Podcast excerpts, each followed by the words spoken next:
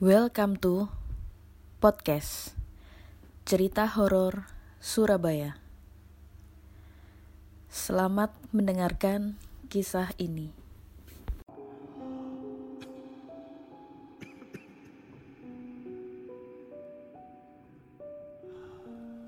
Perempuan asal Banyuwangi ini tak menyangka bisa menumpangi bus hantu. Ketika itu dirinya hendak melakukan perjalanan malam dari Banyuwangi ke Surabaya. Pada malam hari cuaca hujan deras yang membuatnya harus menunggu bus sekitar 30 menitan di pinggir hutan yang sepi.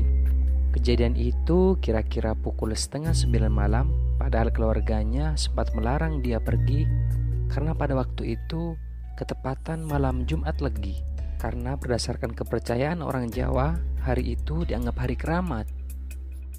Namun tak lama kemudian bus datang dan Winarsi mencegat. Saat masuk ke dalam bus dia tak curiga kalau penumpang lainnya merupakan makhluk goib. Namun Winarsi sendiri sempat bingung mencari tempat kosong sementara penumpang lainnya dirasa sepi terdiam karena lelah di perjalanan.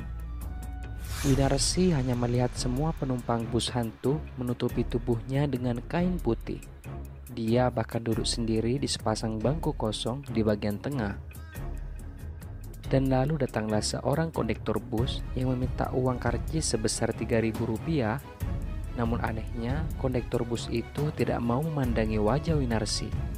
Winarsi sendiri pun hanya terheran-heran merasakan suasana horor di dalam bus. Namun dirinya merasa tak sadar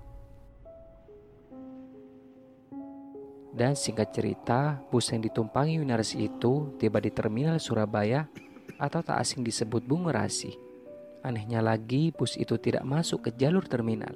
Hanya saja bus berhantu itu berhenti di depan gerbang dekat pos satpam. Winarsi turun dengan santainya tanpa ada rasa deg-degan. Lalu dia pun diteriaki satpam yang ketakutan dan lagi gemetar.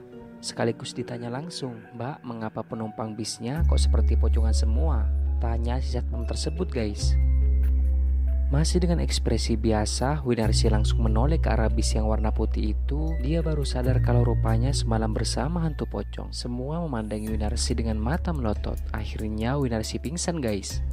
Setelah itu Winarsi dibawa ke satu ruangan untuk disadarkan kembali. Diberikan pula air putih jampi-jampi serta diserang banyak pertanyaan oleh orang-orang sekitar. Namun setelah sadar Winarsi melihat jam tangan yang menunjukkan pukul 9 lewat 5 menit. Padahal dia mulai menaiki bus tersebut di Banyuwangi pada pukul 9 Tetapi tiba di Surabaya pada pukul 9 lewat 5 menit.